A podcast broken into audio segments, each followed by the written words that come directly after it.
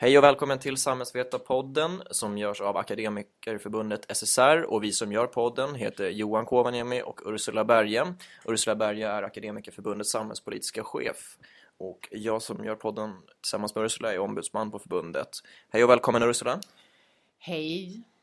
Och eh, du har haft fullt upp och eh, det är svårt att få tag på dig, att få dig att komma till eh, en podcastinspelning men jättekul att du kunde ta dig den här kvarten som vi ändå gör här. Eh, men det är jättebra att du har fullt upp för det antyder att det händer saker.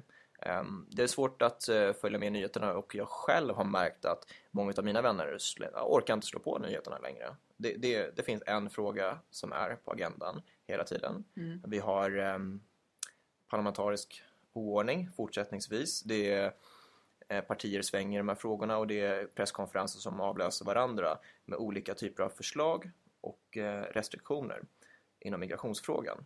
Men för att få ordna lite ordning i allt det här uh, oredan, skulle du kunna ge, ge oss en uh, snabb sammanfattning? Vad är det som har hänt den senaste tiden?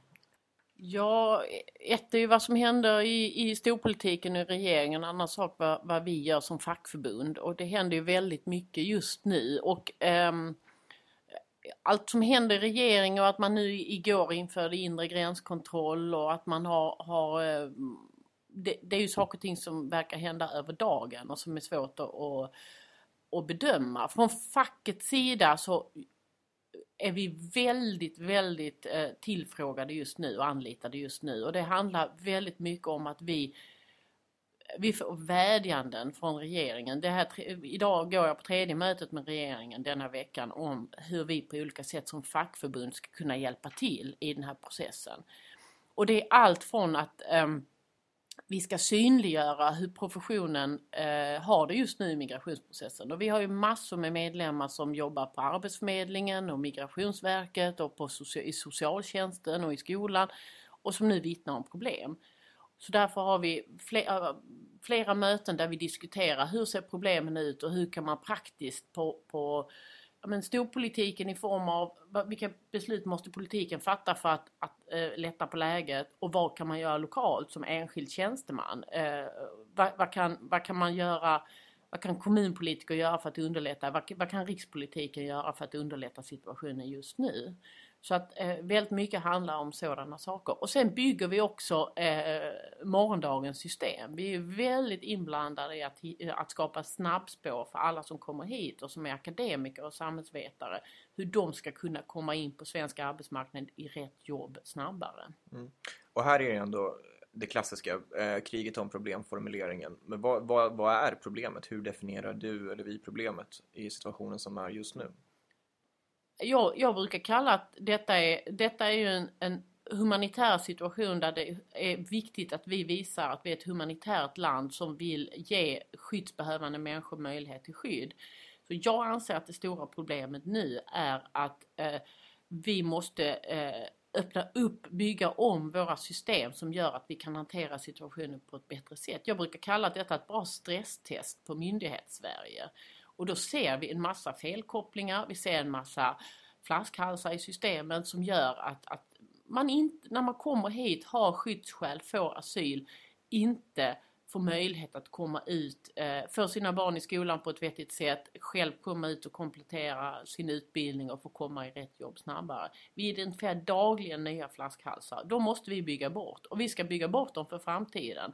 För det, och, och, och det är i, i en sån här situation vi ser de här felen. Tidigare har vi kunnat lappa och laga och hitta kreativa lösningar. Nu måste det fungera bättre. Så jag tycker det stora problemet är att vi har haft tröga system. Och vilket gehör får, får du i den här linjen? Ja, men eh, väldigt, väldigt mycket. För att svenska folket tycker ju att människor som söker asyl för att de flyr från krig och umbärande ska få möjlighet att, att eh, få sina skyddsskäl prövade. Så om man inte tycker som, som vissa att det bara är kasta ut folk och de får klara sig själva i flyktingläger i Libanon så tycker man ju att vi måste hitta system som gör att vi tar emot dem väldigt, väldigt mycket bättre än vad vi gör idag. Så, så vår ingång i det här, att det handlar om att öppna upp systemen, eh, är ju väldigt tilltalande för, för människor i allmänhet eh, och för politiker såklart. Mm. Men vad innebär, alltså allt, allt jag kunnat tyda ut av den här gränskontrollen är ju egentligen att det gör i princip ingen skillnad. Vad är skillnaden? Ja, just vad det gäller inre gränskontroll så, så tycker jag att av, av, alla åtgärder man skulle kunna vidta så har jag lite svårt att se att det här skulle vara något annat än ren signalpolitik.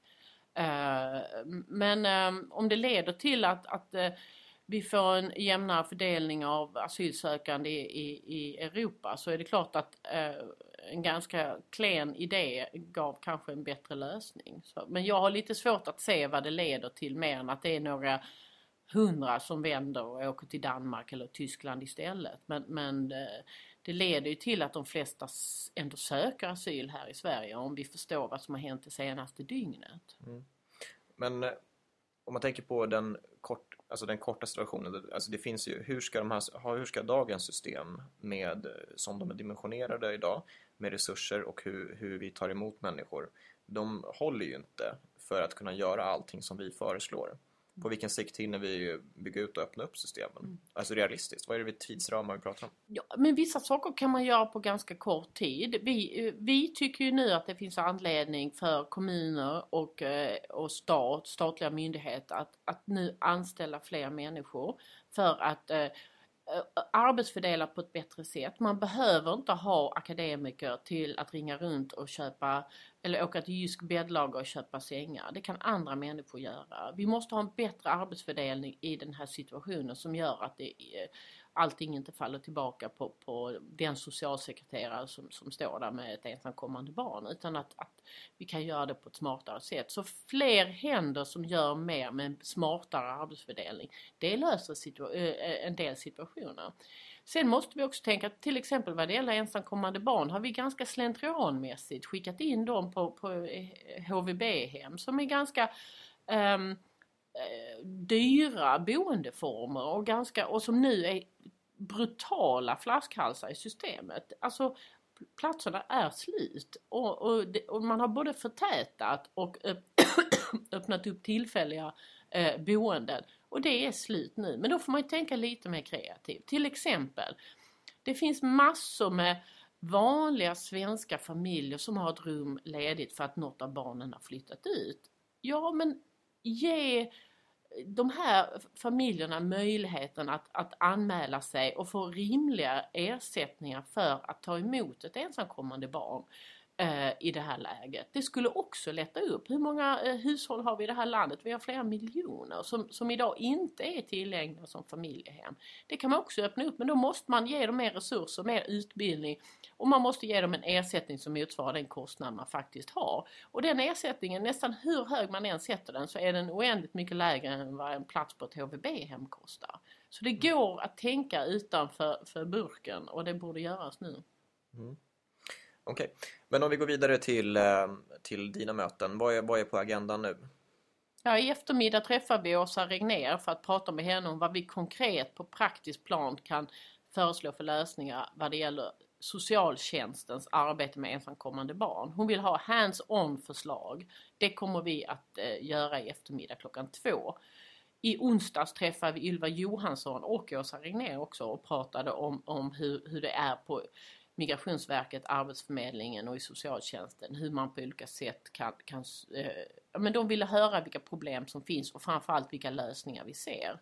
Och då har vi ju eh, ganska omfattande arsenaler med policyförslag som skulle lösa eh, problem både vad det gäller ensamkommande barn men också vad det gäller hälso och sjukvårdssektorn och, och etablering på arbetsmarknaden. Så att eh, mycket eh, händer och vi har också varit på ett möte som handlar om unga nyanlända och hur de kan komma i arbete snabbare denna vecka. Eh, om vi tittar på den fackliga omvärlden så har LO eh, valt att gå ut på, med en Facebook-kampanj nu som eh, riktar sig emot Sverigedemokraterna och försöker slå då mot eh, deras hur de har röstat i eh, voteringar samt att eh, samt deras policyförslag eh, som drabbar arbetare. Ehm, varför, eh, varför behöver LO göra det här eh, och hur sköter sig Karl Persson Toasson i frågan?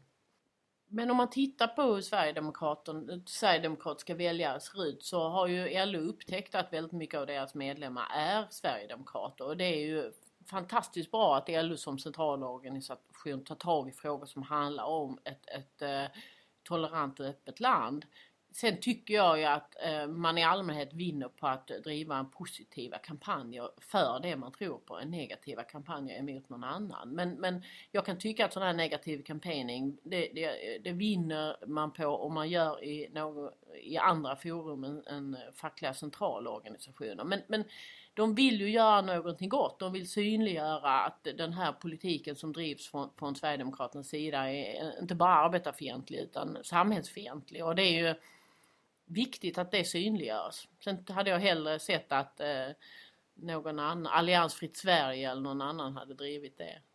Mm. Okej, okay, um, om vi går, vidare och summerar um, veckan som har varit och vad, vad, händer, vad händer kommande period? Vad, vad är de viktigaste frågorna på agendan nu, uh, lite på kort sikt? Vi måste hitta en lösning som innebär att folk inte liksom bryter ihop just nu som jobbar i migrationsprocessen. Vi har ju nu eh, till dags dato tror jag 13 kommuner som har lex anmält sig själva för att de inte klarar av sitt uppdrag.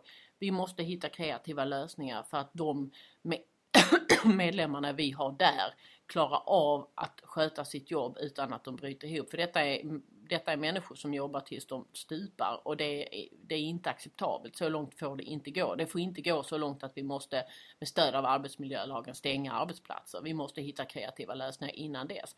Vissa saker kan vi göra i vårt stöd till våra medlemmar. Andra saker måste politiken göra lokalt och centralt. Och eh, eh, målet då och, och, och liksom hindra människor komma hit utan människor ska få lov att komma hit och söka skydd. Vi måste ha en hållbar arbetsorganisation som, för att hantera det. Det är det absolut mest akuta just nu. Mm. Och eh, om vi går vidare, sista punkten. Jag försöker föra in någonting positivt då. Eh, drömrubriken, du öppnar, öppnar iPaden på morgonen, eh, slår på kaffet. Eh, vad står det?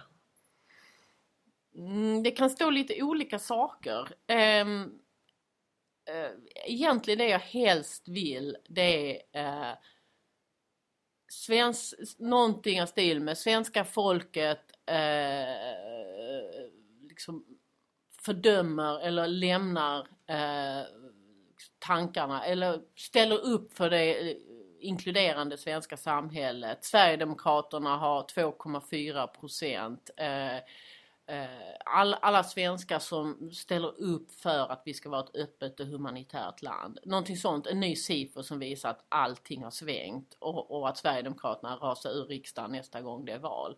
Så någonting som handlar om att svenska folket nu tydligt tar ställning mot eh, rasism och mot eh, främlingsfientlighet och mot stängda gränser-tanken.